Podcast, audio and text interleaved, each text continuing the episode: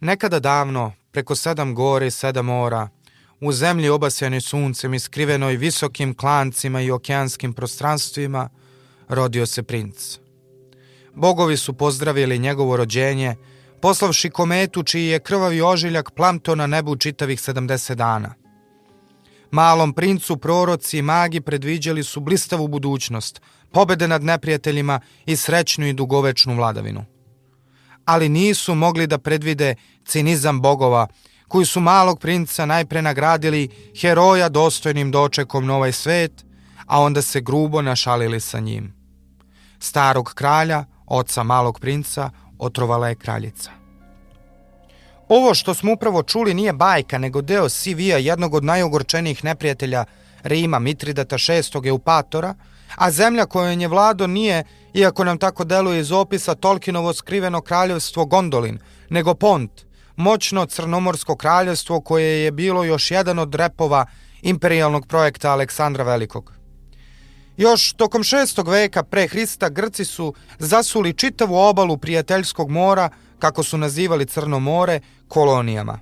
I ove kolonije su bile bitne jer su u sušnim godinama bile izvor života za čitav helenski svet. Kad niko drugi nije mogao, oni su uzgajali i izvozili žito.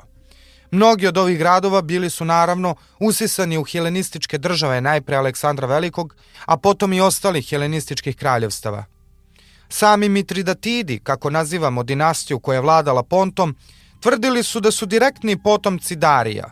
Sam Mitridat VI, heroj ove naše pripovesti, tvrdio da je 16. u direktnoj liniji od persijskog kralja, no to je malo nategnuta priča koju je verovatno pontski kralj fabrikovao kao majstor PR-a tokom prvog veka pre Hrista, jer se i sam postavljao kao branilac istočnih tradicija protiv nadiranja zapadnog hegemona – odnosno Rimske republike. U ostalom puni naziv Mitridatovog kraljestva i nije bio mala Persija, nego Kapadokija kraj Ponta, ali ćemo mi ovu zemlju pojednostavljeno nazivati Pont.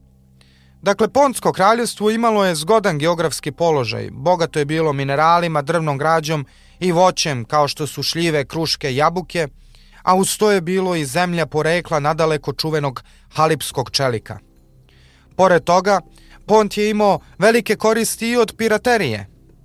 Naime, kilikijski gusari sa južne obale Male Azije bili su u prvom veku pre Hrista pseudodržavni entitet za sebe, i to moćni. Smatrali su sebe suverenima otvorenih mora. Decenijama su pljačkali natovarene rimske brodove koji su iz Male Azije plovili ka Italiji.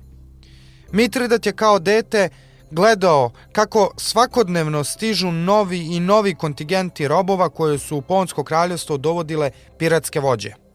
Živopisni likovi kilikijskih gusara krasili su gotovo svaki veći banket koji je Mitridatov otac, Mitridat V, organizovao na dvoru, a uz to mnogi od tih pirata regrutovani su u ponsku službu kao podizvođači u unosnom poduhvatu mediteranske piraterije. Pont, koji je u to vreme bio saveznik Rime i slao pomoćne trupe za ratove Rimljana u zapadnom sredozemlju, ipak je sebi mogao da dopusti lagodnije ponašanje u odnosima sa Rimom, pa čak i da bude zvanični jatak kilikijskih gusara. Planine i reke koje su presecale Pont išle su paralelno sa Crnomorskom obalom, pravcem istog-zapad, tako da je zemlja bila bezbedno ušuškana.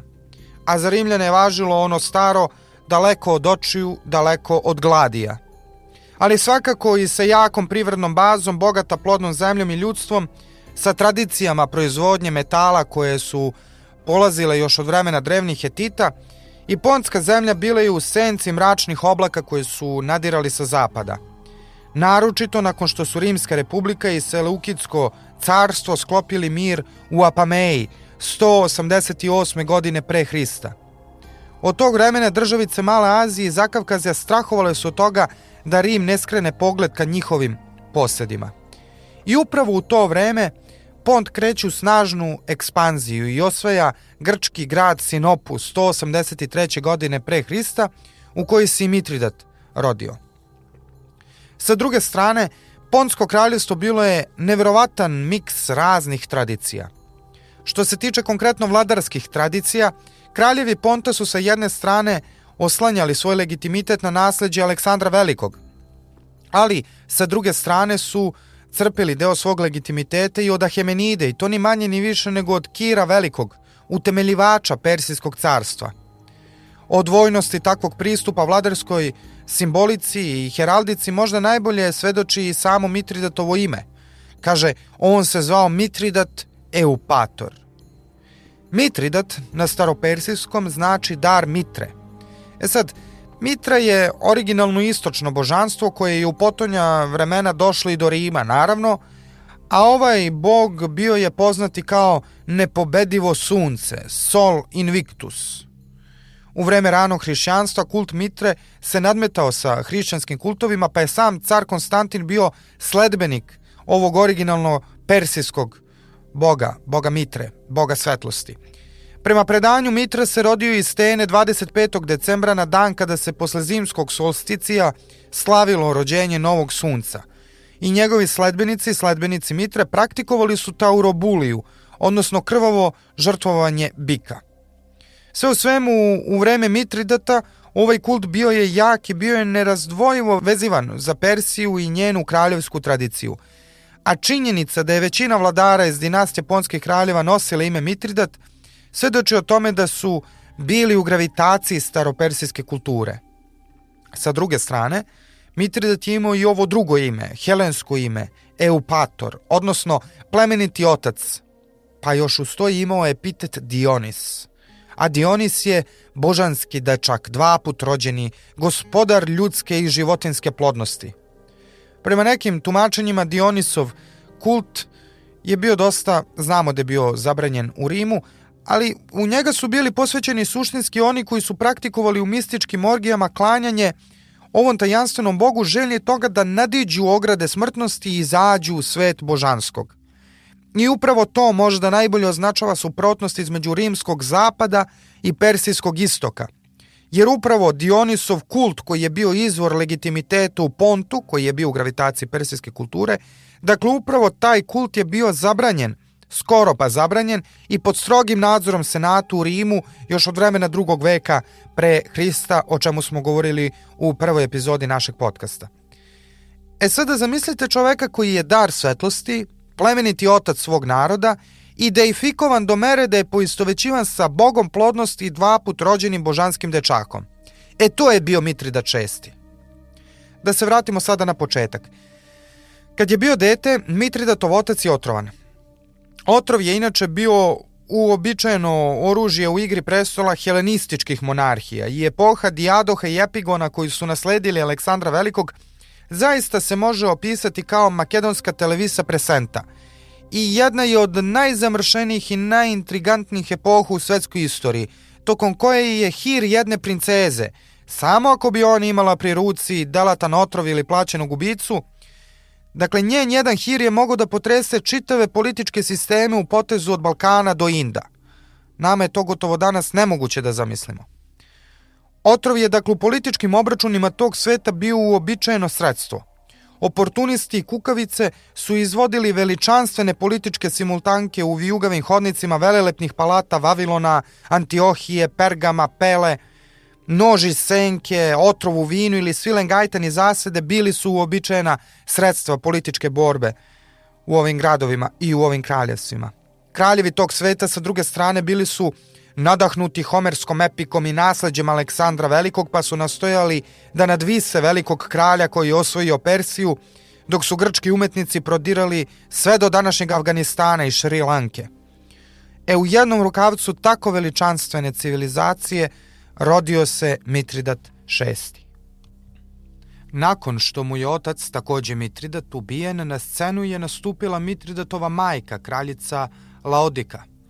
Sve se to zbivalo neke 120. godine pre Hrista.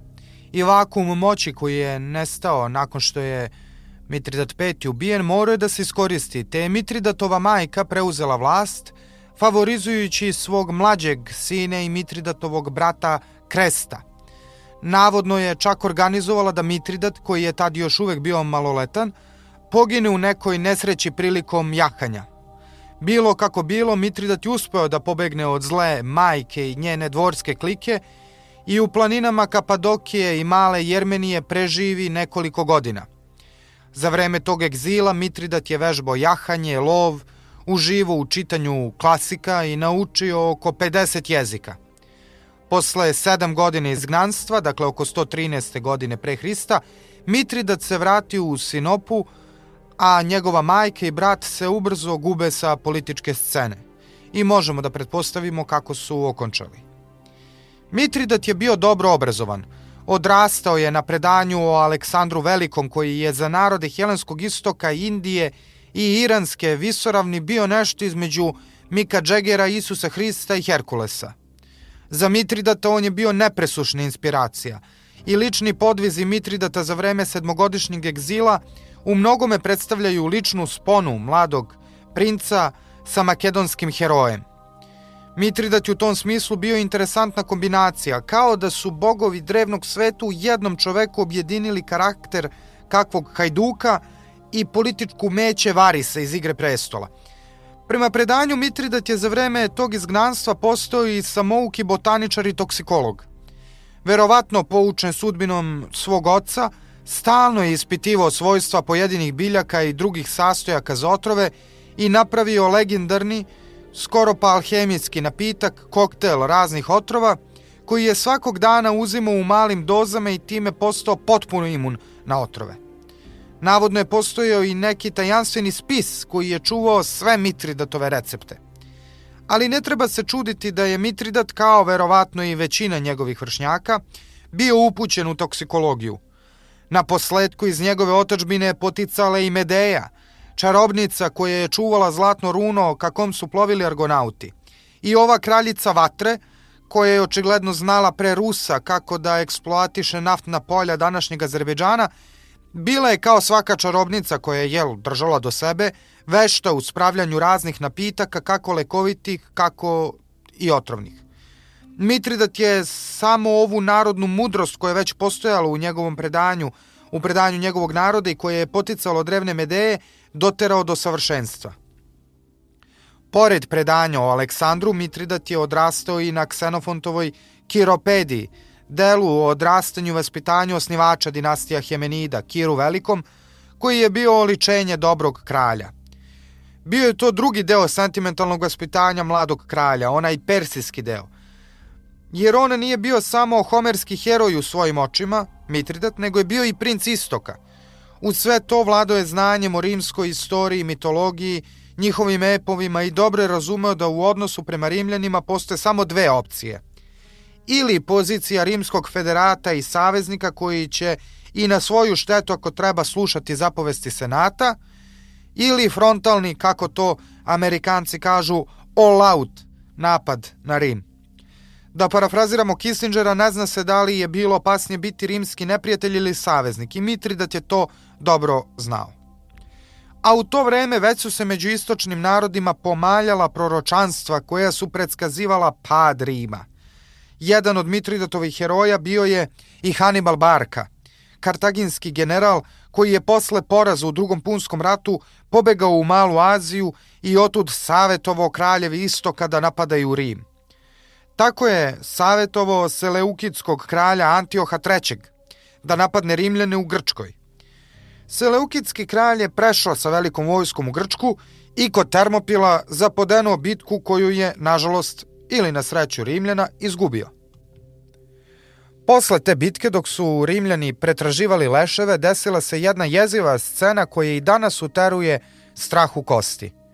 I mi možemo nove stvari o kojima ćemo sad govoriti gledati kao što gledamo na zombi apokalipsu u američkim filmovima, kao dakle jedan veliki spektakl ili začin nekoj priči, nekom većem narativu, ali za ljude ovakve onog vremena ovakve priče bile su potpuno realne, a proročanstva izvesna koliko svitanje i suton. I evo šta se desilo.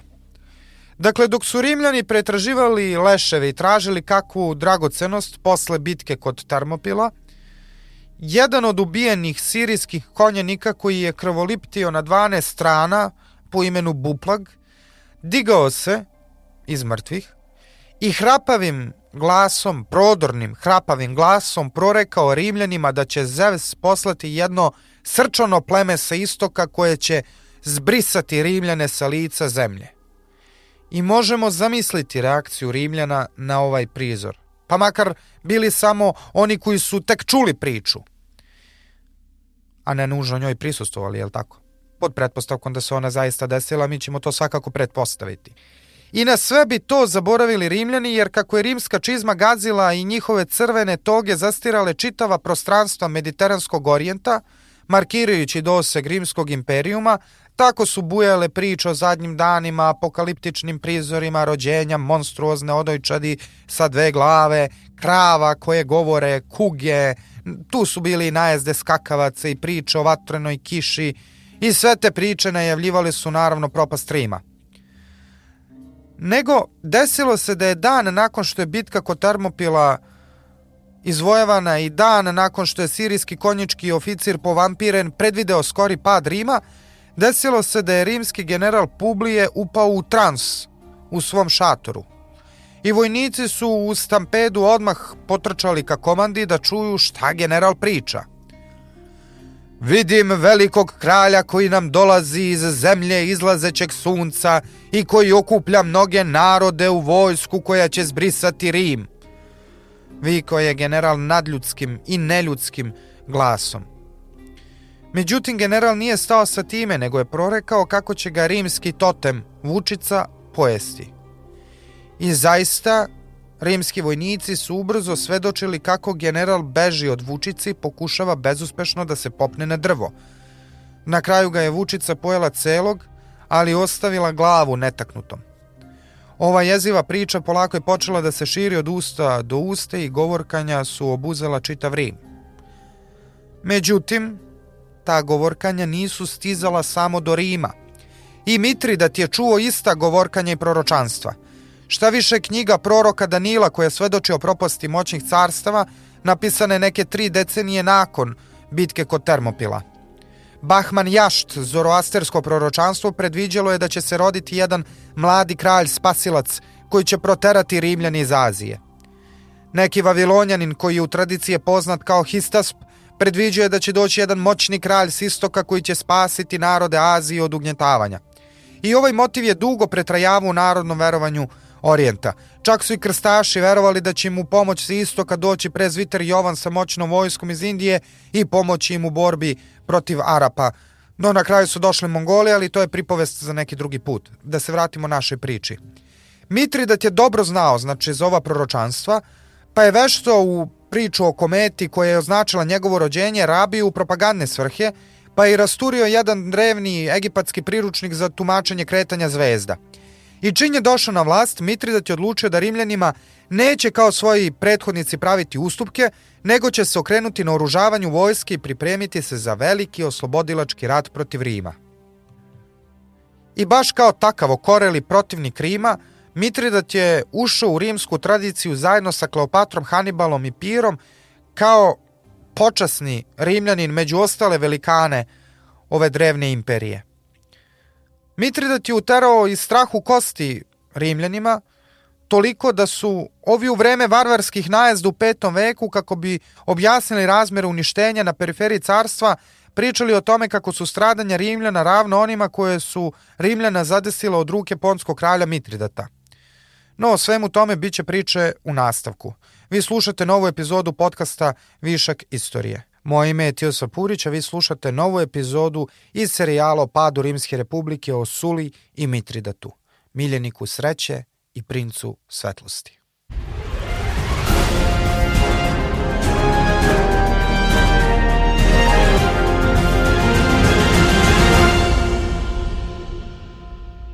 Na početku svoje karijere Mitridat je najprije iskoristio priliku da stavi pod svoju kontrolu čitavu severnu obalu Crnog mora, čemu su stremili i njegovi prethodnici. Grčki gradovi na Krimu i ostatku severno-pontske obale bili su na udaru varvara i zaleđa. I upravo ti gradovi koji su tako ponosno čuvali svoju nezavisnost tokom mnogo generacija, sada su morali da se ponize i zatraže podršku od ponskog kralja, što je Mitridat naravno sa zadovoljstvom učinio. Tako je 110. godina pre Hrista Mitridat uspostavio vlast nad gotovo čitavom crnomorskom obalom uključujući helenske gradove. i time zapravo postao najuticajniji pojedinačni takmac Rima na čitavom sredozemlju. Bogatstva Crnog mora, a pre svega žito, postalo je tada tek stavka u Mitridatovim političkim kalkulacijama, a Crno more njegovo jezero. Dalji koraci Ponskog kralja bili su takođe usmereni na ono neizbežno, veliki sukob sa Rimom. Mitridat se zato ujedinio sa kraljem Bitinije Nikomedom III i dogovorili su se da izdele čitavu teritoriju Anadolije. Naravno, Rimljani su u svom prepotentnom maniru imperije naredili obojici da moraju da odstupe i poštuju interese malih državnika, ali možete pretpostaviti kako je ovaj zahtev ispoštovan. Mitridat i Nikomed III naravno nisu odstupili, a Rimljani koji su u to vreme bili zauzeti i Jugurtom i Kimbrima nisu mogli da spreče ono što je sledilo. Mitridat je upao u Kapadokiju i lično presudio njenom kralju, pa onda postavio svog maloletnog sina na tron Kapadokije 101. godine pre Hrista.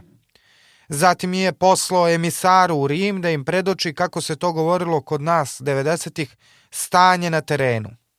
Mitridatova poruka bila je jasna i zvučilo otprilike ovako. Mi uvažavamo rimski interes, ali nažalost u Kapadokiji nema kralja koga bi Rim uzeo u zaštitu osim mog sina. Eto tako je Mitridat diktirao uslove Rimu. No čitava ta avantura ponskih emisara u Rimu bila je nesrećna jer se, kao što se sećamo, desilo da ih je Saturnine napao i time narušio njihovu sakrosanktnost, odnosno od bogova zagarantovanu nepovredivost, pa su oni morali da se povlače nazad u pont neobavljena posla. Sećamo se i da je Gaj Marije, naš stari poznanik, nakon što je ugušio pokret Saturnine i Glaukije, da se povukao i kratko proputovao Egej 98. godine pre Hrista i predanje kaže da se na tom putu susreo sa Mitridatom i dao potvrdu Mitridatovim naumima rekavši mu da ili bude jači od Rima ili ispunjava zapovest Rima bespogovorno. Moguće da je Marije još tada imao na umu budući rat protiv Mitridata – ali tada je Mitridat bio tek još jedan od kraljeva na istoku koje je Senat sve skupa imao u vidu kao jedinstvenu pretnju ili možda čak pre kao smetnju u običajenim interesima imperije, naročito poslovne elite iz Rime i Italije. Tako je Senat, kao što smo govorili, slao Sulu, nakon što je Sula obavio mandat pretora, Poslao ga na istok, dakle, da se pozabavi Kapadokijom, kada je Sula uspeo da onako nonšalantno uvredi partiju, naslednicu Persije, prilikom prvog diplomatskog susreta Rimljana i Persijanaca. Umeđu vremenu Mitridat je svoju najvoljeniju čerku udao za Tigrana Velikog, jermenskog kralja. I njih dvojica su združenim snagama ponovo napali Kapadokiju, gde je Sula postavio na vlast mladog Ariobarzana kao rimsku marionetu, ali nisu napali samo Kapadokiju nego i Bitiniju, gde je 94-godišnji kralj Nikomed III umro, a nasledio ga kralj Nikomed IV. Dvojica kraljeva koji su bili napadnuti, dakle Ario Barzan, kapadokijski kralj i Nikomed IV, Bitinski, brže bolje su se povukli u Rim, baš u trenutku kada je izbijao saveznički rat sa Italicima. Međutim, zavodljivim obećanjima o bogatstvima koji ih čekaju na istoku, ova dvojica kraljeva su uspeli da apeluju na rimsku pohlepu i Ariobarzan i Nikomed su na kraju dobili pomoć Rimljanu u borbi protiv Mitridata i Tigrana. Rim je tada poslao poverljivog čoveka Gaja Marija po imenu Manije Akvilije da otprati dvojicu kraljeva i uspostavi prethodni poredak. Mitridat i Tigran su se u tom trenutku povukli jer su mudro procenjivali da im nije pametno da se u tom trenutku direktno konfrontiraju sa Rimom. Kada je na posledku Akvilije postavio pitanje o bogatstvima koje su dvojica kraljeva, dakle Ario Barzan i Nikomed IV, tako rasipno obećavali kao da su najbogatiji, kao da su sam Mida, koje su obećavali dakle senatu, ova dvojica su krenuli da krše prste, mucaju, daju izgovore, sve objašnjavajući kako su njihova kraljevstva siromašna, te nemaju novca, te treba tek da razrežu porez i tako dalje. E tada je Akvili je dokazao ili svoju krajnju lojalnost ili svoju ultimativnu glupost. Evo šta se desilo. Kada se ispostavilo da Kapadoki i Bitinija ne mogu da isporuče obećana bogatstva, Akvilije im je rekao da im je najveće bogatstvo na svetu na dohvat ruke i da se nalazi u Mitridatovom kraljevstvu u Pontu.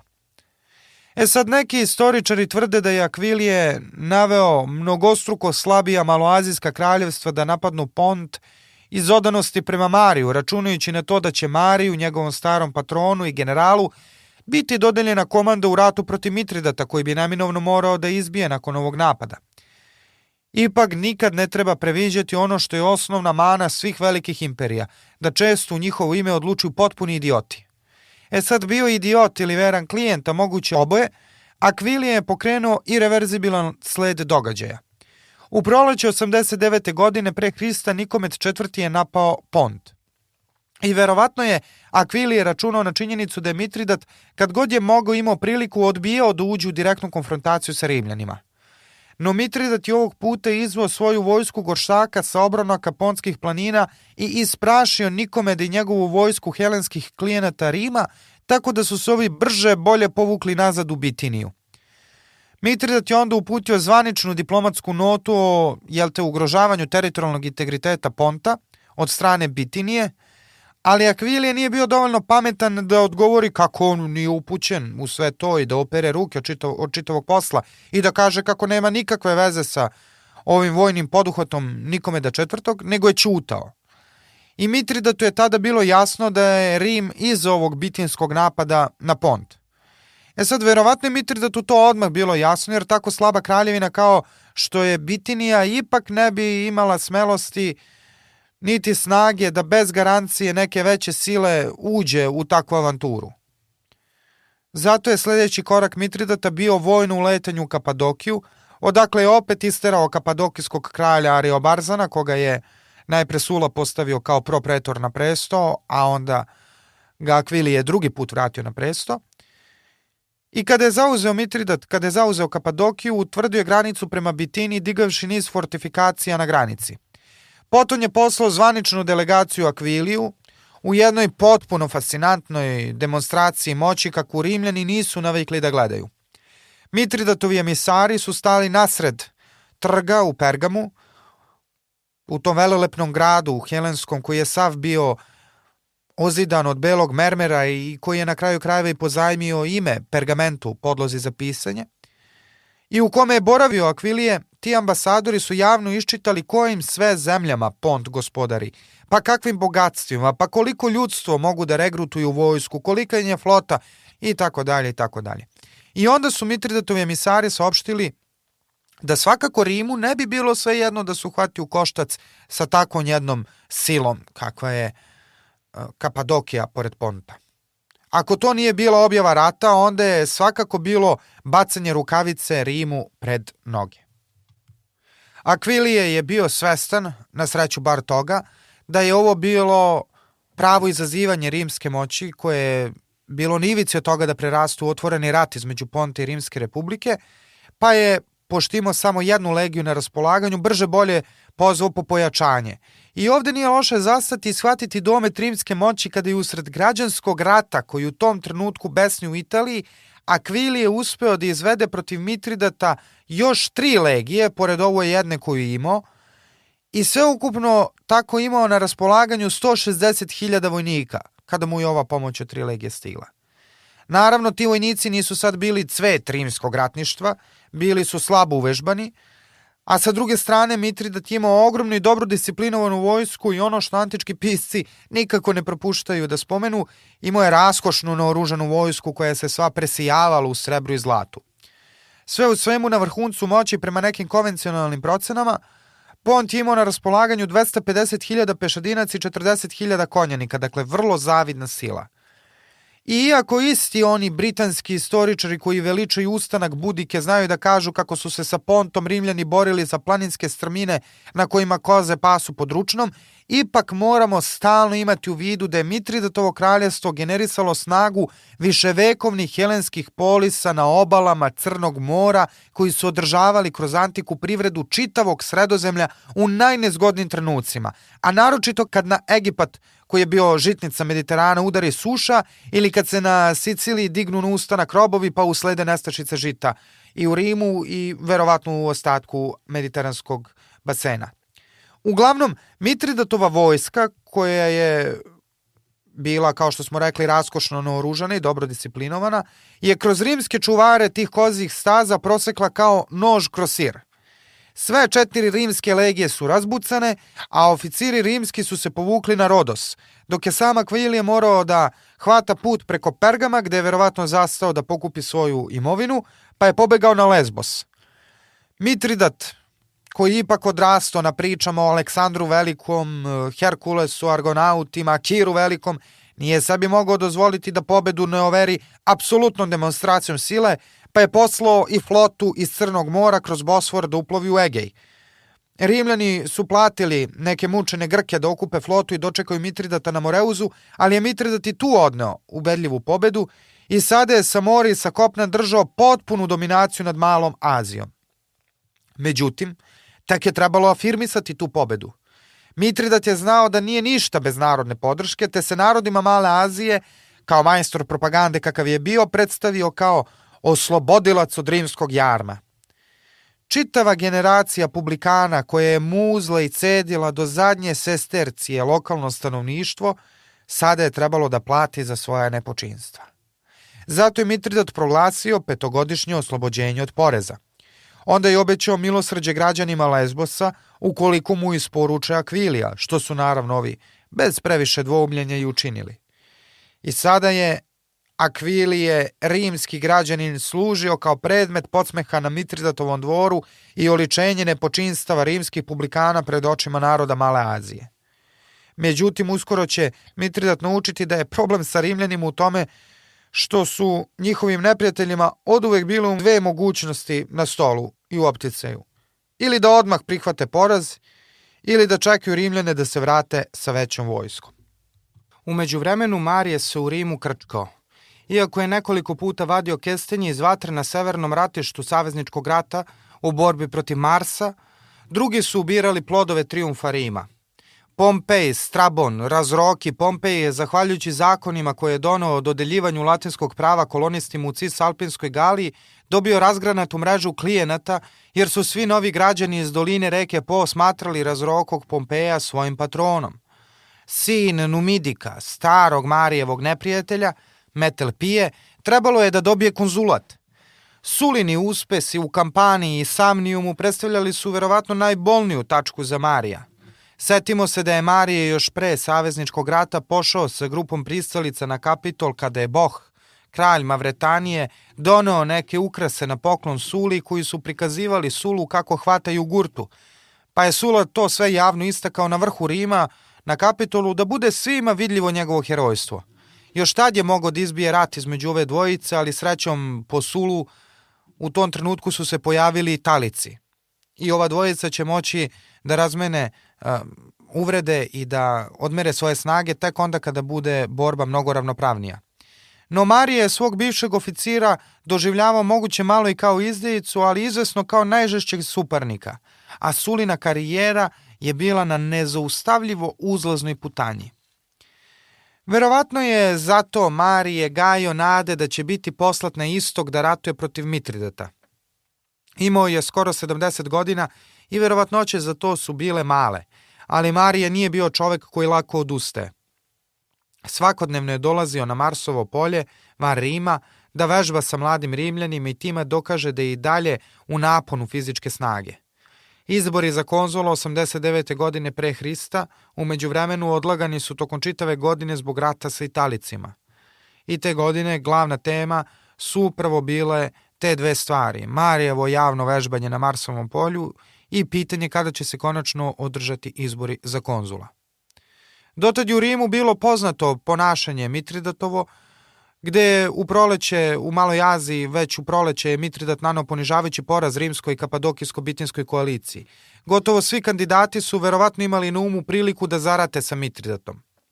Svi su vrebali priliku da povedu rat protiv Mitridata, mamljeni slavom i basnoslovnim bogatstvom koje bi taj rat doneo izveštava Diodor. Dvojica kandidata koji su imali najveće šanse bili su, naravno, Lucije Kornelije Sula i Quint Pompej Ruf, od skora povezani ova dvojica i rodbinskim odnosima. Rufov sin je oženio Sulinu čerku. Jedan, međutim, kandidat je pored njih dvojice takođe pokušao da se probije. Bio je to neki outsider, Gaj, Julije, Cezar, Strabon, Vopisk, koga ćemo pojednostavljeno zvati Razroki Cezar. Međutim, Razroki Cezar je bio tako žovijalnog karaktera, tako živ u svojim javnim nastupima i svojim razularenim popularizmom je previše za senat mirisao na Saturnina, pa su zbog toga senatori tada pribegli starom rešenju kojem su uvek primenjivali kada je trebalo da saseku nekog populara. Tražili su svog čoveka među narodnim tribunima kako bi delegitimisali protivnika. Razroki Cezar je sam imao više smetnji na putu do svog cilja. Najveće je bilo to što nije služio kao pretor da bi se uopšte kandidovo za konzula. Reći ćete, ali već smo imali slučaj Scipiona Emilijana koji je preskakao magistraturu ili Sule koji je preskočio magistraturu Edila, ali nisu li upravo Rimljani izmislili izreku što je dozvoljeno Jupiteru nije dozvoljeno Volu. Ovaj vo, razroki Cezar, bio je zreo za klanje, za Taurobuliju. Bika je trebalo da prikolje Publije Sulpicije Ruf, koji je, kako je senat smatrao, bio čovek pun vrlina, koji je na Rima dostojan način stekao poverenje plebsa. Sulpicijus to bio i čovek blizak krasu oratoru i metelskom optimatskom krugu. Kao narodni tribun Sulpici uspešno stavio veto na kandidaturu razrokog Cezara, međutim, kako je blagodareći s jedne strane senatu, s druge popularima, erodirao autoritet i značaj tribunove reči, bilo je potrebno nekoliko rundi sukoba među bandama na ulicama Rima pre nego što je ovaj veto tribuna Sulpicija prihvaćen. I konačno, Sula je izabran zajedno sa Pompejem Rufom za konzula. Bio je to još jedan dokaz da je Sula miljenik boginje Venere, kako je on sam verovao, pa je još sebi negde u to vreme dodao i nadimak Felix, srećni. U savezničkom ratu navodno se, kako piše Plutarh, desilo Suli da se pred njegovim nogama, nogama rastvorila zemlja i iz nje šiknula vatra i sjajan oganj. Kaže Plutarh, vatra se izdizala visoko i dodirivala nebo. I Gatari su tad rekli Suli da će čovek izvrsno karakter izgleda spasiti Rim od nemira. Crveno kosi, svetloki, Sule naravno odmah poverovao da se radi o njemu, o kome bi drugom, jer mu se inače bogovi javljaju u snovima. U svojim memoarima, koji su na našu veliku žalost izgubljeni, Sula piše da je naklonost bogova prema njemu tolika da je uvek bolje prolazio sa onim poduhvatima o kojima je malo promišljao i u koje se upuštao intuitivno, nego u onima o kojima je prethodno nadugo razmišljao. Pobeda na konzularnim izborima bila je još jedan dokaz božanske naklonosti koju je Sula uživao. Preko toga Sula se sada orodio i sa metelskim krugom, oženivši jednu metelu, koja je bila udovica Skaura, princepsa senata. I tada je Sula konačno bio čvrsto ukotljen u optimatski tabor rimske politike. Put je pred njim bio potpuno otvoren. Ali umeđu vremenu je senat morao da se pozabavi Sulpicijem. Sulpicije je uspešno sabotirao razrokog Cezara, ali je doživu u nekom trenutku preumljenje i umesto da se kladi na Sulu, čija se zvezda dizala, kladio se na Marija, čija je zvezda, uskoro će to Sulpicije naučiti, bila na zalasku. Ta izdaja je tako žestoko pogodila optimate da su generacije raspredale o tome, a Ciceron je pamtio tu Sulpicijevu izdaju pa se pitao u tipično sa našeg stanovišta salonskom maniru optimata kako se desilo da jedan čovek tako zavede i navede na stramputicu najbolje ljude Republike i prevari ih. Interesantno je šta Plutarh piše o Sulpiciju. Kaže na jednom mestu da se Sulpicije divio Saturninu i pratio ga i u svemu osim što mu je zamerao u političkim postupcima bojažljivosti i oklevanje. Mislim, možemo svašta zameriti Saturninu, ali baš bojažljivost i oklevanje, setimo se paradiranja lažnim sinom Tiberija Graha i napadom na emisare kralja Mitridata, što je bilo ravno napadu na bogove. Na jednom drugom mestu Plutarh daje dodatni opis ovog sulpicija. Kaže, taj čovek po krajnjim opačinama nije ustupao mesto nikome tako da se nije pitalo koga drugoga nadmašuje izopačenošću, nego u kojoj vrsti izopačenosti nadmašuje sam sebe – ta okrutnost, drskost i pohlepa u njega nisu se obazirale na sramotnost ikakvog dela, jer je očigledno prodajući rimsko građansko pravo oslobođenicima i doseljenicima brojio za to primljen novac na računovodstvenom stolu postavljenom na sred foruma, Šta više, držao je 3000 mačevalaca i imao u sebe postavljeno mnoštvo mladića viteškog staleža spremnih na sve, koje je nazivao protiv senatom. Pa onda, premda je progurao zakon da ni jedan senator ne sme dugovati više od hiljadu drahmi, sam je za sobom ostavio dug od 3 miliona. E sad, kad se setimo onih Saturninovih paradiranja lažnim sinom Tiberija Graha, napadom na pontske emisare i na kraju dizanjem ruku od toga da se spali Rim, iako se o tome premišljao, zaista u poređenju sa Saturninom možemo shvatiti zašto je Sulpici mislio da Saturninu fali odlučnost u akciji. I zaista bila je ovo tužna slika, naročito ovaj sto za koji je javno nasred foruma prodavao rimsko građanstvo, naročito kada se uzme obzir koliko je Rimljani i Italika izginulo za to građansko pravo. Uz to Sulpice, kao što vidimo iz ovog Plutarhovog opisa, sad uveo gradske bande kao maltene stalnu privatnu vojsku, na koju su se rimski političari mogli oslanjati i to je bio zaista Sulpicijev autentični doprinos evoluciji rimske politike. Sulpici je onda predložio zakon koji je imao nameru da sve italike koje je Varijeva komisija proterala, pre nego što je počeo saveznički rat nakon onog nepuzdanog popisa, vrati u Rim i da im vrati građansko pravo, što bi značilo da imaju pravo da glasaju. Uz to Sulpici imao nameru da te italike rasporedi kroz 31 seosku tribu, koje bi sprem četiri gradske imale većinu, čime bi Italici osvojili zapravo većinu u Skupštini, a tu novostečenu političku moć dugovali bi Sulpiciju. Naravno i senat i gradski plebs dočekali su ovaj zakonski predlog na nož. I tada je čitav Rim počeo da grca u krvavim okršajima između gradskog plepsa i protiv senata, to jest bando 3000 mačevalaca koje Sulpicije držao u sebe. Mora mu se do duše priznati da je držeći ovu naoružanu bandu pokazao da je ispravno shvatio gde je bila glavna slabost braće Grah i Saturnina, upravo u tome što nisu u sebe imali pouzdanu gardu. Kako su ulice Rima bukvalno pretvarane polako u niz malih krvavih bojnih polja, Sula je požurio sa svojim kolegom Pompejem Rufom nazad u Rim. Sula je tada dovršavao posao oko pobune Italika na jugu Italije. Pompej i Ruf i Sula su se popeli kada su stigli u Rim na trem hrama Dioskurima na forumu i učinili što su jedino mogli kao konzuli.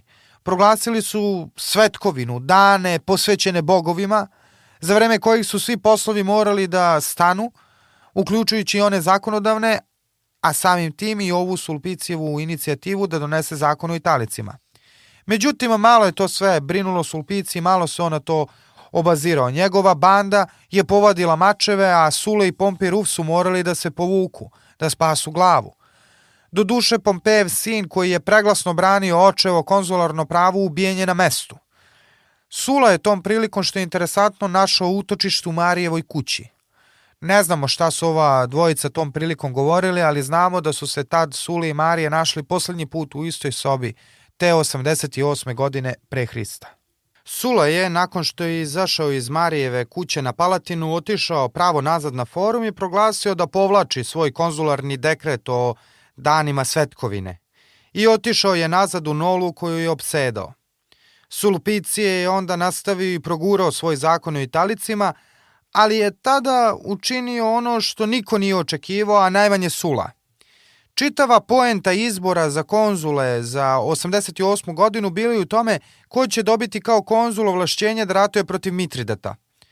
Sulpicije je naveo Skupštinu da se komanda u ratu protiv Mitridata oduzme Suli kao starijem konzulu i dodeli Gaju Mariju, koji je bio privatno lice.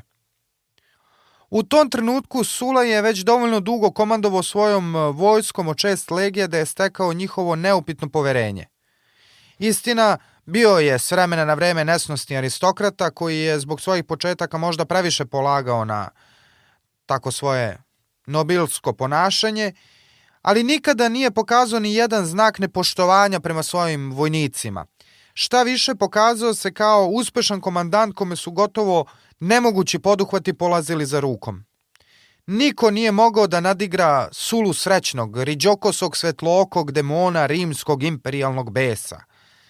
A ipak, nadigrao ga je matori vojskovođa koji je preskakao kozlić na Marsovom polju. Sulini legionari su na vest o Sulpicijevoj dodali komande za rat protiv Mitridata Mariju, verovatno isto reagovali kao Sula, besom i razočaranošću.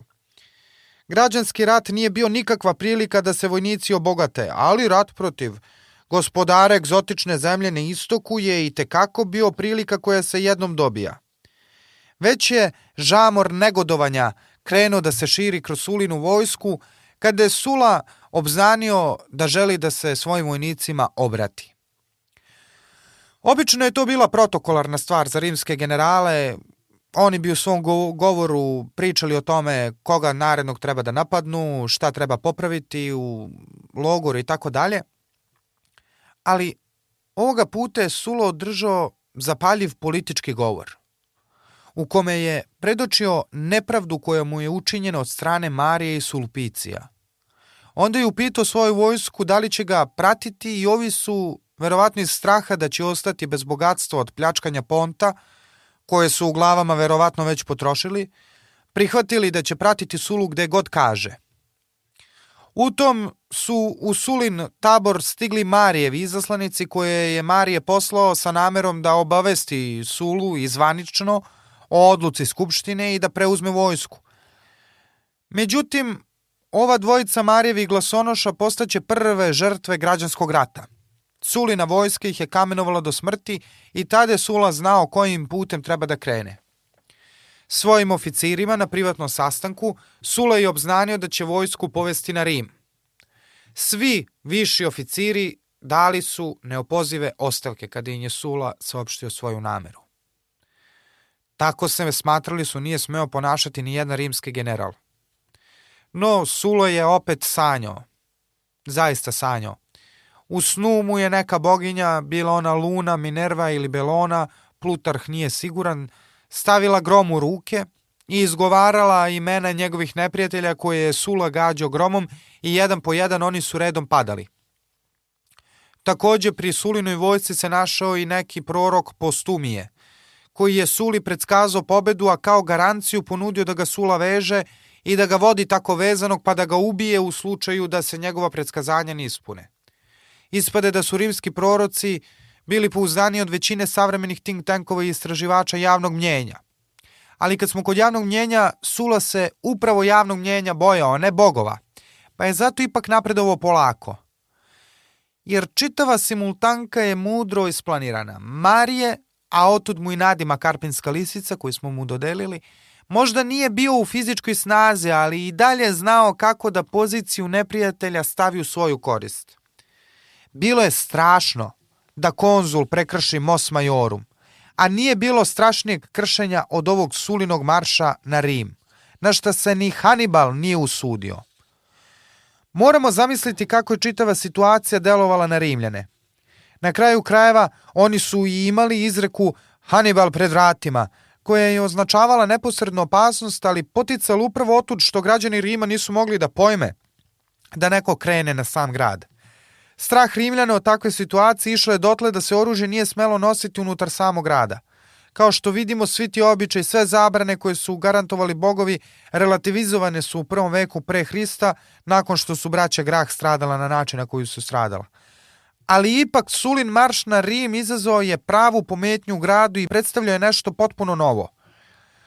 Sulpici se naravno u tom trenutku odao teroru, pa je čak naterao i senat da poklekne koristiće se strahom koji je seala njegova banda od 3000 mačavalaca koje je nazivao protiv senat. Kao što vidimo, Sulpicije je već uvo vojsku u Rim. Pompej Ruf, Sulin kolega, je jedva izbegao ubistvu i uspeo da pobegne Suli, čija je vojska već bila na putu. Mnogi, međutim, iz Suline vojske su napustili svog komandanta, verujući da Sula krši sve moguće norme. Porodice su tih dana takođe bežali iz grada u grad, i sve ukupno nasto jedan vrtlog nasilja u kome su stradale mnoge suline pristalice. Naravno, u metežu se sve to vreme govorilo i vikalo te Mari ubija po ulicama sve redom, te Sula želi da spasi Rim, te ne Sula želi da dođe da nas sve pobije i porobi, ili Senat je pobegao, a zamenila ga je Sulpicijeva banda i tako dalje i tako dalje. Kad smo već kod Senata, sigurno da senatori nisu dočekali s oduševljenjem To što se Sulo odlučio da prekrši svaki Mos Majorum i pokrene šest legija na Rim. ali sa druge strane sigurno da senat nije mogo da se svrsta na stranu Marija i Sulpicija. Stoga su neki umereni senatori odlučili da pošalju izaslanike Suli, ali Sula je te senatore prepoznao kao Marijevce i odbio ih je bez pogovora i pregovora. A pretore koji su izašli pred Sulu sa zahtevom da obustavi svoj poduhvat, Sula je ultimativno ponizio. Skinuo im je toge, razlomio im je znamenja i tako ih gole poslao nazad u Rim. Kada je treća grupa izaslanika presrela Sulu i kada su ga pitali zašto maršira na Rim, Sula je odgovorio samouvereno, kako je samo on znao, da ga oslobodim od tirana. I tako čovek koji je delovao sve vreme iza kulisa, koji je dozirao pokazivanje svog umeća, ali koje je tu i tamo iskrsavalo kada je, na primjer, odnosio nemoguće pobede u ratu protiv Samnitu, u savezničkom ratu, ili kada je postrojio parčanski izaslanike, kada je, dok je kao propretor eh, radio za senat u Kapadokiji, ili kada je sa Bohom skovao zaveru da uhvati u gurtu. Dakle, sve te situacije su konačno sada se otkrile kao situaciju u kojima je Sula pokazivao svoj karakter neumoljivog, snažnog čoveka, koji je svojom rečenošću ličio na čoveka od čelika, tako da možemo slobodno za njega reći da je bio nešto nalik Staljinu, ali je toliko bio odan konzervativnim načelima Rimske republike da je pogodno zamisliti Sulu kao Staljina da je Stalin bio Englez. E takav je bio čovek koji je sada marširao na Rim. E sad, Englez u Suli je tako saopštio izaslanicima Marija i Sulpicija koji su se predstavili lažno kao senatski izaslanici. Dakle, Sulin je saopštio da će se sastati sa Marijem, Sulpicijem i čitavim senatom na Marsovom polju i da će rado uzeti u razmatranje sve primetbe koje ovi budu izneli pred njega. Ali Stalin u Sului, dakle onaj čovek od čelika, je znao da nema povratka. Stoga čin je obećao izaslanicima da će se utaboriti na pet milja od grada, krenuo je za njima, pravo na Rim. Marije i Sulpice su naslučivali da Suli narav neće dozvoliti da odstupi, pa su pribegli meri koja nije viđena od vremena punskih ratova – Svim robovima su obećali oslobođenju ukoliko stupe u njihove redove. Suline legije su na posledku ušle u Rim. I bila je to, kako Apijan kaže, prava bitka koja je nadilazila sve sukobe koji su prethodno vođeni na ulicama Rima. Marije je imao dovoljno ljudi da odbije jednu Sulinu legiju, ali ne šest legija. Kada je prva Sulina legija ušla u Rim, Marijeve pristalice su zakrčile ulice, a sa krovova su zasipali Suline vojnike crepovima i kamenjem. Međutim, onda se pojavio Sula koji je zaista izgleda bio spreman da sravni Rim sa zemljom. Iako su njegovi vojnici oklevali, Sula je naredio da se ispale na krovove zapaljene strele, tako da su Marijeve pristalice sa lakoćom odbijene. Marije je uspeo na kratko da se skloni u hrama majke zemlje, ali je morao i otud da beži jer kad je pozvao narod da ga podrži u otporu Sulinoj izdajničkoj invaziji, gradski plebs ga je odbio. Zurbani plebs čitav sukob bio je pitanje za senatorsku aristokratiju. To se moćnici glože među sobom i nije od preteranog značaja za narod da se uključuju u čitav sukob. Sula je onda okupio plebs na forumu i dao im predukus onoga što ćemo tek nazvati mnogo kasnije Sulinom diktaturom. Tek tada Sule je pokazao do kraja svoju konzervativističku stranu. Najpre Sule je proglasio Marija i Sulpicija sa još desetoricom njihovih saradnika neprijateljima rimske države i stavio ih van zakona tako da je svako ko bi ih video mogao slobodno ubiti. Ostalim građanima Sule je poručio da mogu mirno spavati jer ne planira ništa do da vrati Republiku u normalno stanje. Ali u tome je bila caka. Jer šta je Sula podrazumevao pod normalnim stanjem? Naravno, tada je održao opsežan govor o nevoljama Republike u posljednjim decenijama. Zato je predstavio jedan poseban zakon koji je reafirmisao snagu Senata. Svaki zakon morao je biti odobren od Senata pre nego što bi bio iznet na glasanje pred Skupštinu. Dalje, glasanje u Skupštinama je reformisano tako da se vrati moć zemljoposednicima, koji originalno i jesu dominirali tributskim skupštinama jer su imali posede oko Rima na velikim seoskim imanjima i potpadali su pod 31 seosku tribu koje su držale naravno većinu spram gradske četiri. Dalje, Sula je ponovo predstavio reformu Druza Mlađeg, koji je imao plan o proširenju Senata. Sula je predložio da e, se Senat proširi za 300 članova iz Viteškog reda – ali nije želeo da propusti priliku ni da se direktno pozavi aktuelnim problemima. Sećamo se da je pokušao da zajedno sa kolegom Pompejem Rufom spreči Sulpicijevo zakonodavstvo time što bi proglasio ferije, svetkovine, odnosno dane posvećene bogovima za vreme kojih nije mogao biti preduzet ni jedan posao, pa ni iz oblasti zakonodavstva. E, sada je Sula, koristeći se prisustvom legija kao najubedljivim argumentom, proglasio da su zakoni koji su doneti od tog dana kada se on sakrio u Marijevoj kući bili nevažeći. Stoga su Pompej Ruf i Sula zadržali svoje pozicije, a Suli je i dalje važila dodeljena komanda za rat protiv Mitridata. Možemo zamisliti kako je samo Senat bio zbunjen. Sula je nastupao sa stanovišta optimatskih interesa, ali je Senatu bilo jasno da sa druge strane Sula želi da od sebe učini patrona čitavog senata i optimatske struje, da budu tako reći klijenti Suli kao što su plebejci doživljavali svoje popularske vođe. Sula je sa svoje strane pravdao prisustvo legija u gradu istim onim presedanima kojima su se koristili u Opimije 121. godine pre Hrista protiv Gaja Graha i Marije 100. godine pre Hrista kada je jurišao na Saturnini Glukiju. Drugim rečima, stanje u Rimu je bilo tako da je zahtevalo neposrednu vojnu intervenciju. Međutim, svime je bilo jasno da Senat nije izdao Senatus consultum ultimum. Ipak Sula je imao harizmu božanski samopouzdanog čoveka. Na posledku nije se zalud proglasio miljenikom i Venere i Fortune. On je potpuno nonšalantno otpustio legiji i vratio ih u nolu, a niko nije smeo ni reč da mu kaže i onda kada je ostao bez bilo kakve zaštite. Ostaje nam da verujemo da je ledeni pogled njegovih svetloplavih očiju bio dovoljan da natera svakog njegovog protivnika da zastane i promisli pre nego što učini korak protiv njega. Osim, naravno, Marija. I Marije i Sulpicije počistili su se iz Rima vrtoglavom brzinom. Sulpicije, međutim, nije bio tako srećne sudbine.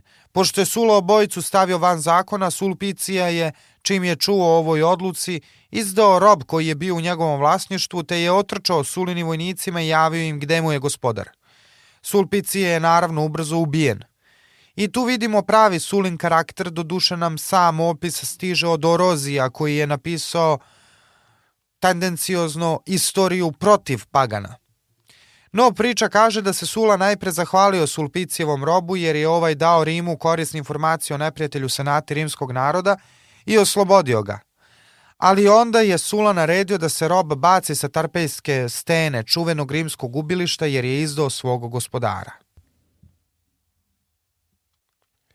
Što se Marija tiče, on se nakon bekstva iz Rima sklonio na jedno imanje na selu – u neposrednom rimskom okruženju koje je inače bilo u njegovom vlasništvu i gde su ga skrivali sin, unuk i nekolicina njegovih pristalica. Sula je ipak poslao jasnu poruku i svaki dan proveden u Italiji Suli na dohvat ruke predstavljao je sve veći rizik. Zato se Mario odlučio da pobegne u Severnu Afriku, tamo gde su u zemlju dobili Marijevi veterani nakon što se završio Numitski rat. Iako su ove zajednice već u tom trenutku bile stare oko 15 godina, Marije se nado da se rimski veterani dalje sećaju svog patrona. Te je odmah drugi dan po beksu iz Rima, nakon što se dogovorio sa svojim sledbenicima u daljim koracima, Marije zaputio u Ostiju i otud uzeo brod da zaplovi ka Africi. Ipak u to vreme plovidba morem nije bila ni izbliza bezbedna kao danas, tek će vikinzi moći da plove preko otvorenog mora ne obazirući se na obalu – Brodovi su po sredozemlju plovili uz obalu od tačke do tačke nastojeći da što brže prelaze razdaljeni između dve luke. Kako je more bilo nemirno i kako je oluja zadesila Marijev brod, brod je morao da pristane kod Teracine, za koju je Marije znao da u njoj boravi jedan od njegovih neprijatelja, pa je odlučio da se sa družinom zaputi do bezbednijeg grada, Minturne, gde je navodno imao neke prijatelje. Međutim, do tamo Marije i njegova družina su morali da idu peške, te su ostareli Marije i njegovi pratioci morali da provedu noć u šumi, po oluji i kiši, skrivajući se od svojih neprijatelja bez bilo kakvog skloništa i hrane. Kako su hodali do Minturne, tako iskisli, Marijevi pratioci klonuli su duhom. Tada im je Marije ispričao priču koja je verovatno i njega bodrila, a o kojoj smo mi već pričali. Priča je govorila o tome kako je kad je bio mali spasio gnezdo sa sedam orlića i kako mu je prorok tad predvideo da će osvojiti sedam konzulata za svaku pticu koju je spasio. Marije je obećao svojim prijateljima da im uspeh tek predstoji, jer je osvojio tek šest konzulata. No pre nego što će postati sedmi put konzul, Marije je morao da prođe kroz muke u koje ga je Sulu uvalio proglasivši ga za neprijatelja države. U ovoj fazi pripovesti vidimo Marija koju u svojih sedamdesetak godina postaje nešto nalik Rambu. Najpre je Marijevu družinu sustigla Sulina konjica koja je krstarila Italijom u potrazi za neprijateljem.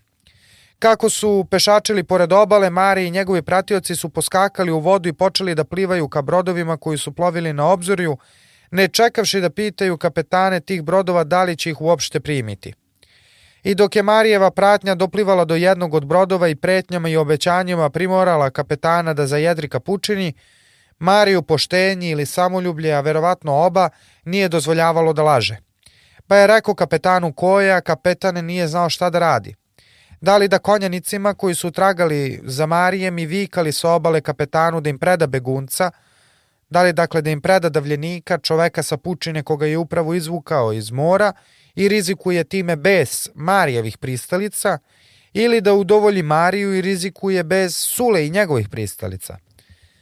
Na kraju kapetan drugog broda je isto tako odlučio da zaplovi i skloni se od konjanika. Onda je iskrcao Marija na nekom pristaništu i rekao mu da pokupi pijaću vodu i hranu i vrati se na brod. Međutim, čim je iskrcao Marija, kapetan je zaplovio kapučini i Marije ga nikad više nije sreo. Kapetan je verovatno smatrao da je to bilo najmanje opasno rešenje. Ne udovoljiti Suli direktno, ali prepustiti Marija sudbini. Marija je, shvativši da je napušten, krenuo dalje, čvrsto se držeći nade da će se dokopati minturne u koje ga je čekao navodno spas. Da bi došao do grada, mora da prođe kroz močvarne oblasti i šume. Kada se konačno dokopao jedne pastirske kuće, zamolio je domaćina da mu pruži utočište za noć i da mu da malo hrane, što je ovaj učinio. Avaj, sulina konjica i opet sustigla Marije i naravno mučeni pastir je odmah sve ispričao i odao Marija. Ali ipak bilo je to vreme savezničkog rata u Italiji i naravno da su pastiru pred očima bile slike mrtvih Rimljana i Italika, poginulih od ruke zemljaka i sabraće i nikako e, nije želo da se kladi na kartu vojničkog milosrđa, tako da i nećemo zameriti pastiru što se odlučio na ovaj korak. Jer Marije je svakako uspio da pobegne iz kuće i sakrije se u obližnjoj močvari pokriven prnjama roneći kroz močvaru, tako da mu se samo e, oči i nozdrve videle. No Marije je ipak bio presar da glumi Ramba, a ni u najboljim godinama nije bio kao Sula sklon da bude usamljeni ranger, on je više bio mozak koji iz pozadine rešava sve bitke i sukobe. Konjenici su našli Marija na posledku, vezali mu konopac oko vrati, tako ponižavajući okovanog su ga odvukli do Minturne, gde su ga čekali tobožnji prijatelji. Međutim, čak i prijatelji nisu mogli da ignorišu olako dekret rimskog konzula i de facto suverenog gospodara Rima. Marije je ipak bio treći osnivač Rima, a takvog vojskovođu ubiti nije isto što i poljem preći. Zato su uvaženi čelnici Minturnu u skladu sa čiftinskim karakterom lokalnih moćnika i sitnih trgovaca kojim se ne može otpisati spravne počinstva, odlučili da pozovu roba i da on obavi posao za njih, da ubije Marija. Onda se desio jedan od čuvenih plot twistova Marijeve sudbine. Ispostavilo se da je taj rob koji je bio određen da bude Marijev dželat bio neki German iz plemena Kimbra ili Gal. I ovaj mučenik se verovatno zamrzao kada je shvatio da treba da bude dželat generala koji je slavno porazio najneustrašivije ratnike njegovog plemena. Rob je verovatno i na Marijevo iznenađenje samo kriknuo ne mogu da ubijem Gaja Marija i pobegao iz sobe. Kako nisu mogli naći Rimljanina koji bi ubio Marija, čelnici Minturne su dali Mariju lađi i provijante i poslali ga preko mora. Opet je Marije bio u nadležnosti Fortune. Konačno se ponovo sreo sa svojom družinom koja je uhvatila tutanj na drugi brod nakon što su se iskrcali kod Teracine i zaplovili su svi zajedno ka Africi. E tamo, kako piše Plutarh, guverner Afrike bio je izvesni Sekstilije, kome Marije nije učinio ni dobro ni zlo. Marije se nadao da će se ovaj sažaliti na trećeg osnivača Rima, no ovaj naravno nije želeo da se stavlja između Marije i Sule, te je uputio poruku Mariju. Namesnik Sekstilije zabranjuje ti Marije da stupiš na tlo Afrike. Poručuje da će inače zaključke Senata poštovati, postupajući s tobom kao s neprijateljem Rima. Pa istini za volju, to baš nisu bili zaključci senata, nego diktati konzula koji je na mač osvojio čitav Rim, ali Marije nije imao druge nego da ispoštuje ovaj dekret Sekstilija. Marije je onda seo na zemlju i uporno ćutao ne odgovarajući ni na koji način liktoru koji je poruku isporučio Mariju, zatekavši ga kako se iskrcao u senci razorene Kartagine. Kada je konačno liktor pitao Marija šta da poruči svom komandantu, Marije je navodno odgovorio. Javi mu da si video Gaja Marija kako kao prognanik sedi na ruševinama Kartagine. U međuvremenu Mariju je stigao sin, mladi Marije, koji se bio sklonio kod numitskog kralja Hiempsala. Hiempsal je sigurno želo da se umili Suli time što bi Marijevog sina i njegovu družinu isporučio Rimu, ali se onda jedna od Hiempsalovih žena ražalostila i umilila kralja da pusti na slobodu mladog Marija i njegove drugove.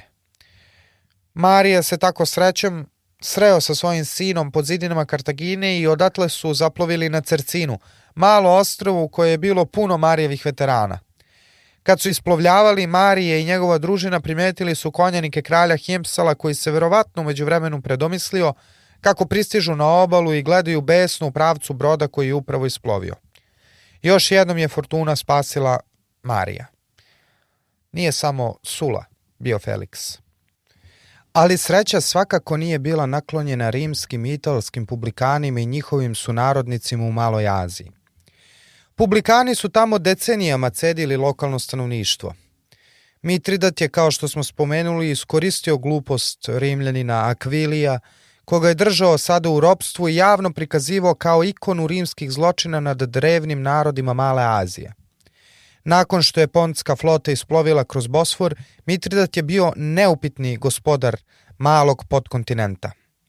Trebalo je sada još da se dokaže kao kralj oslobodilac istoka, dostoja naslednik Kira Velikog i Aleksandra Makedonskog. Trebalo je poslati jasnu poruku i podanicima i neprijateljima. Da bi se dobro spremio za ovo, Mitridat je proputovao tajno malu Aziju, prerušenu trgovca ili sveštenika, i to nekoliko puta – I pored toga što je poslužio tim ponašanjem kao inspiracija Harunu al-Rashidu, čuvenom arapskom kalifu, nekoliko vekova kasnije, Mitridat je takođe imao i praktične koristi od ovih avantura. Saznao je kakvo je raspoloženje lokalnog naroda prema Rimljanima. A bili su krvopije i likvari u očima Azijata. Ponski kralj se stoga odlučio na korak koji će ga odrediti kao jednog od najvećih protivnika Rima – Naime, poslao je pismo lokalnim magistratima i arhontima maloazijskih gradova nalažući da se za 13 dana od dana prijema pisma ubije svaki rimski i italski građanin, bio to muškarac, žena ili dete. Sa jedne strane, lokalne velmože sigurno nisu bile raspoložene da izazovu baš takvu spiralu nasilja, ali sa druge strane nisu želeli da rizikuju bez kralja koji je bio apsolutni gospodar maloazijske zemlje da bi spasili ljude koje su i onako mrzeli. Stoga je u leto 88. godine pre Hrista krenuo opšti ustanak Grka i drugih naroda Male Azije. Savršeno tempiran i gotovo nemogući usklađen, zločin se ubrzo pretvorio u pravi pravcati krvavi pir. Stradali su i dužni i nedužni. Plaćenici su unajmljivali da dogusure one koje narod nije mogao da dohvati. Komšije su upadale komšijama u kuće, tela su bacana sa gradskih zidina da trunu. Ni beg u hramove nije predstavljao spasenje. Nesrećnici koji su se držali za kipove posvećene bogovima, batrgajući se ili bi se pustili ili bi stradali i oni i posvećeni kipovi. U jednoj noći stradalo je u Aziji ispunjenoj krikovima čak 80.000 žena, deci i muškaraca. Ali kao da to nije bilo dovoljno, Mitridat se onda odlučio efekt radi na još jedan korak. Mučeni idiota Kvilije koji je Mitridata na mami u rat, kao zinac se baš u vreme tih pokolja razbolao. Kako nije bio više od koristi kao dvorska luda, Akvilije je svojim konačnim činom bio pouka za Rimljane. Mitridat je naredio da se neko zlato rastopi, svojim podređenima je naredio da otvore usta Akviliju i rastopljeno zlato sipao sužnju u usta. Tako je Akvilije na posledku došao do ponskog blaga na koje je huškao Nikomeda četvrtog. Rimljani, ratni huškači protiv svake države, narode i kralja pod suncem imaju samo jedan stalni motiv, duboko ukorenjenu žunju za imperijom i bogatstvom. Poručio je Mitridat Rimljanima. Bila je to nesumnjiva objava rata.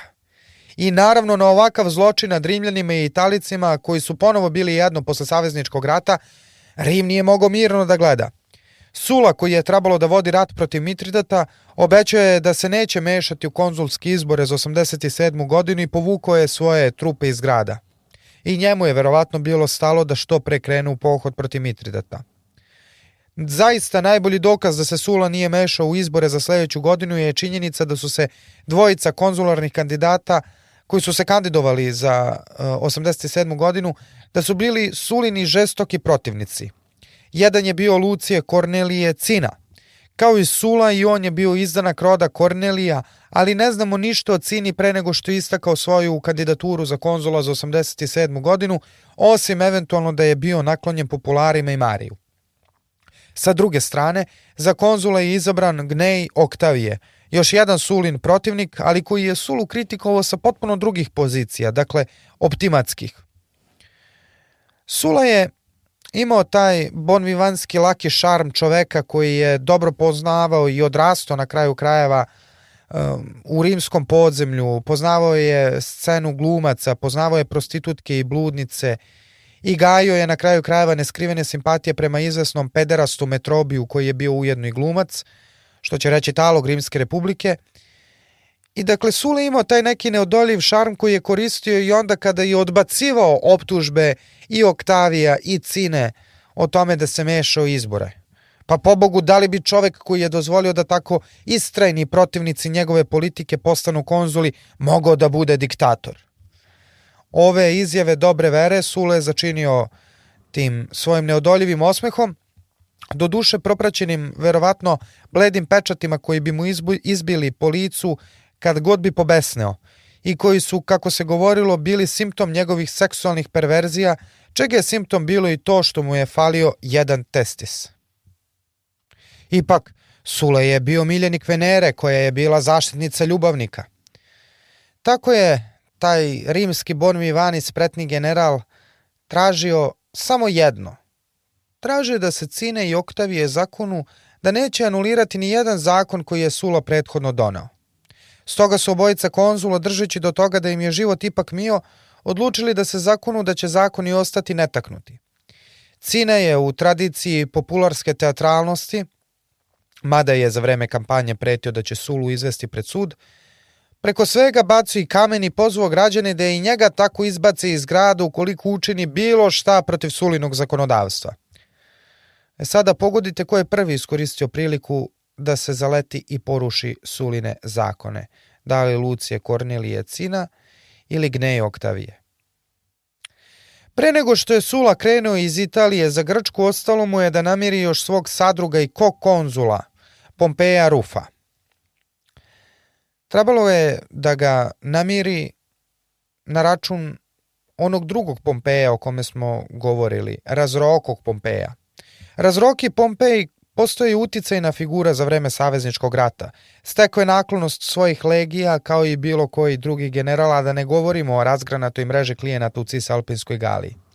Ovaj kasap i naskula, kako su ga nazvali, bio je zaslužan za prvi drill u ranim godinama Pompeja Velikog i Cicerona koji su služili kao tinejdžer u njegovoj vojsci i možda jeste bio prozvan kasapin, ali ne sigurno od svojih vojnika – Sule međutim imao ideju da vojsku Pompeja razrokog, dakle dodeli svom konzulu Pompeju Rufu i posle svog kolegu u tabor ove vojske naoružanog dekretom.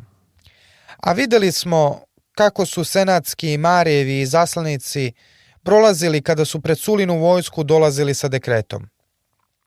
Pompej Ruf je razrokom Pompeju predao dekret, što je razroki navodno pozdravio, i okupio vojsku da je saopšti promenu, promenu u komandi, što je vojska Ćutke dočekala.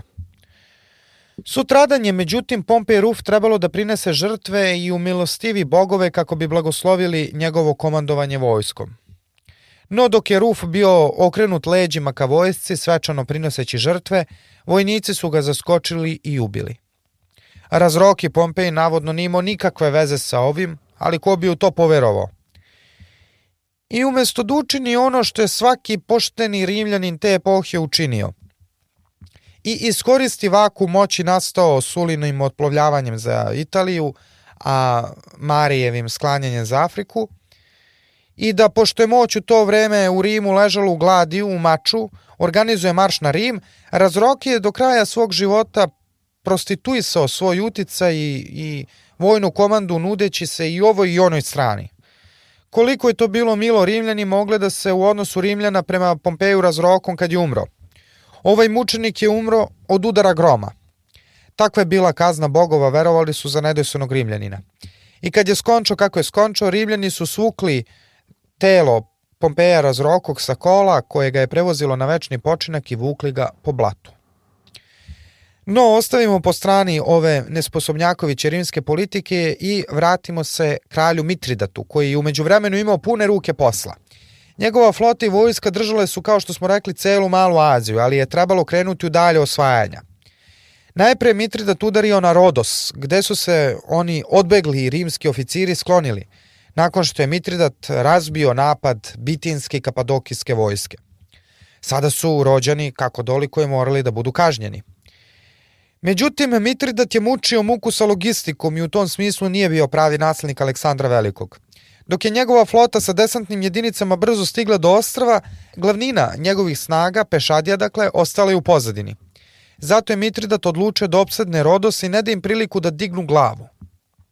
Rođani su se naravno dobro utvrdili i odmeravali snage sa Mitridatom, sve dok ovom nije stigla vest da je Oluja raznela brodovlje koje je trebalo da preveze njegovu pešadiju. Tada su rođani se malo osilili, počeli su da izleću iz grade i napadaju brodove koji su već držali ostrovo pod blokadom. Uspeli su da spale veliki deo Mitridatove flote i čak uzmu 400 zarobljenika. Ali nije to bio kraj za Mitridata. Mitridat je prilikom opsade Rodosa verovatno imitirao velikog kralja Makedonije i jednog od naslednika Aleksandra Velikog, čuvenog Demetrija Poliorketa, čiji nadimak znači onaj koji opseda. Isto je Demetrije 305. godine pre Hrista želeo da kazni rođene jer su se oglušili o njegova naređenja. Kao što su rođeni sada dali utočište Rimljanima, pa je Demetrije u ono vreme svoje izgradio za vreme opsade Rodasa čuveni Helepolis, ogromnu opsadnu kulu kobnog naziva, razoritelj gradova – Rođeni su toliko bili ponosni na tu pobedu nad Demetrijem da su u slavu ove pobede podigli čuvenog kolosa sa Rodosa, simbol njihove slobode. Emitridat je pokušao iz gotovo istih razloga sličnu stvar, samo i umesto kule visoke 40 i široke 15 metara kakav je bio Helepolis, izgradio neku napravu na dva broda vezana po boku na koju je načičkao katapulte i padajuće mostove za direktni napad na grad. Čitava sprava nazvana je Sambuka – jer je ličila oblikom na omiljeni muzički instrument rođanskih zabavljača. Sama sprava je više pripadala vremenu mitskog herojstva i dekadentnog rasipništva, tog baroknog homerskog doba kako je bilo doba Aleksandra Velikog, nego veku u kome su praktični rimljani jednostavnim rešenjima grabili ka vrhu hijerarhije svetskih carstva. Naravno, kao što pogađate, rođeni su raštimovali Mitridatovu sambuku, a glasovi Orijenta su počeli da rade protiv Mitridata – Sada je Izida bacala vatru sa svog hrama na uzvišenju na Rodosu pravo po Mitridatovoj sambuki i brodovlju. Možda ovo ne bi bio strašan poraz za Mitridata da uskoro nije usledio još jedan. U Patari, u Liki, zemlji na jugozapadu Male Azije, skoro pa preko puta Rodosa, gde je Mitridata takođe bio poražen. Ovoga puta glasovi su govorkali da je Mitridat imao nameru da poseče sveto drveće u svetom gaju Latona, pored Patare. Bogovi su se sada okretali protiv svog miljenika, a, boga mi, neki su počeli da biraju i druge junake. A ako je Aleksandrovo doba bilo drugo homersko doba koje je inspirisalo i Rimljane, Atina i njena slavna prošlost pripadali su jednom dobu koje više nije inspirisalo nikog. Podsećanje Atinjana, a nije da nisu podsećali, na slavne dane njihove prošlosti kada su spasili čitavu Grčku sa svojom flotom od persijske agresije i kada su bili najmoćnija imperija Mediterana, ličilo je na džangrizovo naklapanje onemoćalog starca čije su priče svima dosadile. Uz sve to podsjećanje na vreme slobode, samostalnosti i samodovoljnosti grčkih polisa ili kako bi Grci to rekli, elefterija, autonomija i autarkija, a ja se nadam da sam ovo dobro akcentovo, dakle svakako da nije bilo simpatično ni samim Rimljanima. Pored toga upadljivo je bilo odsustvo Partenona sa liste sedam svetskih čuda, koje je sastavljeno u trećem veku pre Hrista – Partenon je bio simbol latinske hegemonije, ali neuporediv sa kolosom sa Rodosa ili aleksandrijskim farosom. Atinino vreme je sve u svemu prošlo. Ali ne potpuno, jer Rimljani su sa jedne strane veličali grčko nasledđe, ali kako kaže Tit Livije, reči su jedino oružje koje je Atinjanima ostalo. Kraj citata. Dobar odnos Rima prema Atinjanima oslikava anegdota o kojoj piše Ciceron o izvesnom Publiju Geliju, koji je 93. godine pre Hrista posetio Atinu. Ovaj Gelije, koji je u Atinu onako usput svratio, naredio je naslednicima Sokrata i Platona, svim atinskim filozofima, da se skupe na jednom mestu i razreše svoje razmirice. Možemo zamisliti kako su ponosni Atinjani ovo dočekali. Čitava poenta atinskih filozofa je bila u neslaganju i debatama, a Geliju je ovo bilo što ih je, jel te, na taj način podbadao bilo urnebesno smešno, dok su Atinjani ovaj gest Gelija pamtili kao uvredu. Mada ne svi. Izvesni filozof Posidonije, u ono vreme uticajan, oportunistički prema rasuđivanju nekih, a optimistički prema rasuđivanju drugih, verovao je i tvrdio da Atinjani treba da se upodobe rimskoj upravi i pristanu na dominaciju. Atinska elita je imala razloga da se povinuje jer Rimljani su 165. godine pre Hrista naišli na otpor stanovnika ostrova Rodosa. Međutim, umesto da ostrovo sravne sa zemljom, Rimljani su otvorili bescarinsku luku na Delosu i poklonili Atini. Time su zadali ogroman udarac monopolu rođena na trgovinu, a sa druge strane dali su Atini ogromno premućstvo, do mere da je atinska valuta postala zvanično sredstvo plaćanju helenskom svetu. Atinjani su time dobili karikaturu Delskog saveza, a čitava ražman je ličio na odnos savremene Europske unije i NATO-a. Rimljani su bili vojna garancija ekonomske hegemonije Atine. Rimska i italska roba zatrpavala je luke Delosi i Atine, a sa druge strane atinska vladajuća elita imala je ogromne profite od čitavog aranžmana. Poseidonije je bio upravo učeni glas onih Atinjana koji su imali najviše koristi od čitavog posla – pa je još tvrdio da će nestati sve kulturne i jezičke razlike i da će Rimska republika konačno doneti mir na zemlji. Kraj istorije. Ali siromašni Atinjani se nisu slagali sa Posedonijem i oni će biti katalizator pobuna koje prestoje, jer oni su se sećali vremena klasične Grčke, Perikleja i Temistokleja i epohi u kojoj je vladavina naroda bila nešto više od puke fraze – Atinjani će ponovo dobiti na značaju za vreme rata Sule kao rimskog prokonzula sa Mitridatom. Dakle, kao što smo rekli, Mitridat je doživao neuspehe na moru, u borbama za Likiju i Rodos. Sa druge strane, njegovi saveznici Tračani uspeli su da malo uzdrmaju Makedoniju i Epir, stigavši sve do epirskog svetilišta u Dodoni, ali bez prevelikog uspeha. Mitridatov sin Arijart je uspio da izvede napad na rimsku provinciju Makedoniju, ali i taj napad je više ličio na pljačkaški pohod nego na ozbiljnu vojnu ekspediciju. Ovaj traljavi početak rata Mitridata protiv Rima dao je i priliku Suli da uzvrati udarac. Najbitnija tačka bila je, kao što smo rekli, Atina. I u Atini je još 91. godine pre Hrista vlast uzeo neki tiranin Medej, mada senat nije imao vremena da se bavi njime jer je bio zauzet ratom protiv saveznika. Zato su se buntovni siromasi Atine sada okrenuli Mitridatu, a na čelu pro-mitridatske stranke bio je izvesni filozof Aristion ili Atenion. Mada mu ime varira u izvorima, izvesno je da je 87. godine pre Hrista ovaj atinski filozof postao strateg Hoplita. Došlo je vreme da se atinski filozofi svete rimljanima za onu Gelijevu izreku. Koliko su ozbiljni rimljanima neshvatljivi sukobi među filozofima bili, najbolje svedoči to što se lider Platonske akademije Filon povukao u Rim sa najbližim saradnicima, dobrim delom i zato što je Aristijon pripadao peripatetičarima, odnosno Aristotelovoj školi. Sule, dakle, 87. godine pre Hrista isplovio iz Italije u Grčku, na čelu pet legija.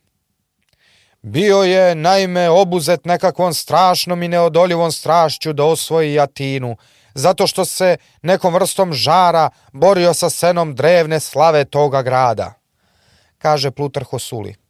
Opet ovde treba istaći tu imperijalnu crtu Rima.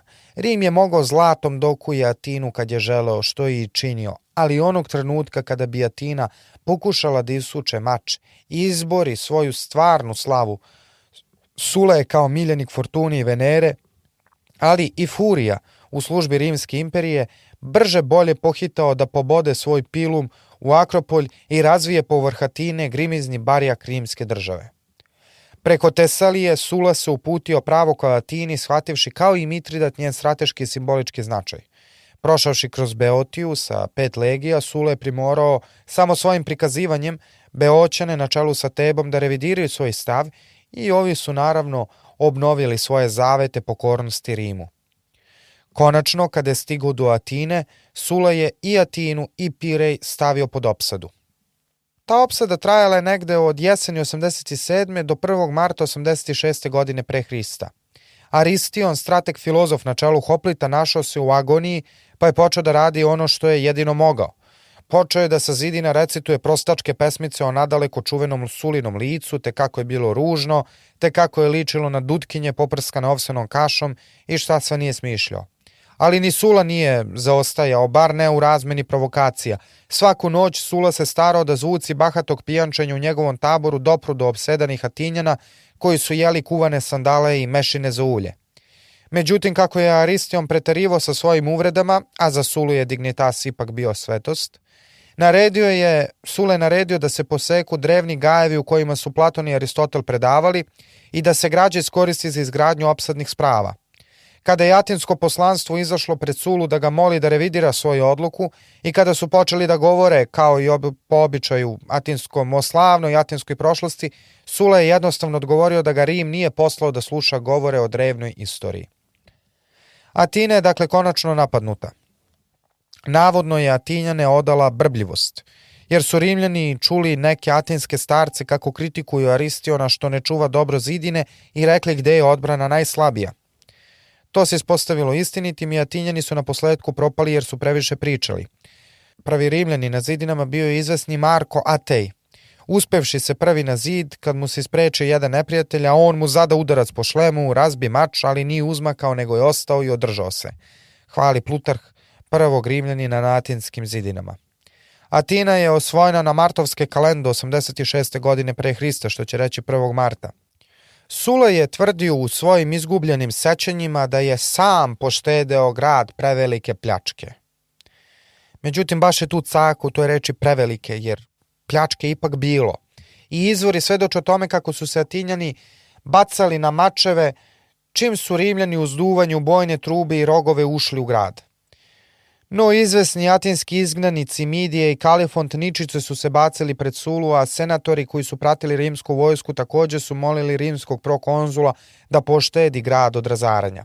Stoga je posle nekoliko sati pljačke, ubijanja, silovanja, Sulo obustavio ovakvo ponašanje rečima da poklanja milost nekolicini, a živima zbiranje mrtvih.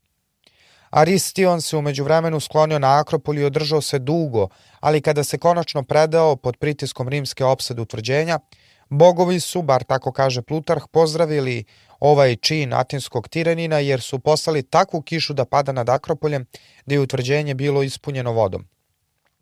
Sula je uskoro osvojio strateški važan Pirej, atinsku ostiju, i preusmerio svoju pažnju na sever gde je Mitridat poslao svog vođu Arhelaja da porazi Sulu. Međutim, u odlučnim bitkama kod Orhomena i Heroneje u centralnoj Grčkoj, Sula je porazio Mitridatove vojske i Arhelaj je bio primoran na mir. Iako je Mitridat ovlastio Arhelaja da pregovara, Sula je izdiktirao tako ponižavajući mir da je Arhelaj verovatno imao poteškoća da izađe Mitridatu na oči. Aziju i Paflagoniju je Mitridat morao da vrati Rimu, Bitini u Nikomedu IV, a Kapadokiju Ariobarzanu. Mitridat je morao još da preda 70 ili 80 svojih brodova potpuno opremljenih Suli i da plati odštetu Rimu u iznosu od 2 ili 3 hiljade talenata zlata. I dok je Sula čekao svog generala Lukula, kome će kasnije posvetiti svoje uspomene i čije ćemo ime tek čuti u narednim pripovestima, Aristion je ubijen u Atini. Ispio je otrov. I Atinom je tada zavladala klasa poslovnih ljudi, a bilo kakav atribut suverenosti Atini je oduzet. Sula se, nakon što je porazio princa svetlosti, Mitridata i Perikleovu sen, sada spremao za povratak u Rim, jer Marije je bio još živ i spreman za borbu.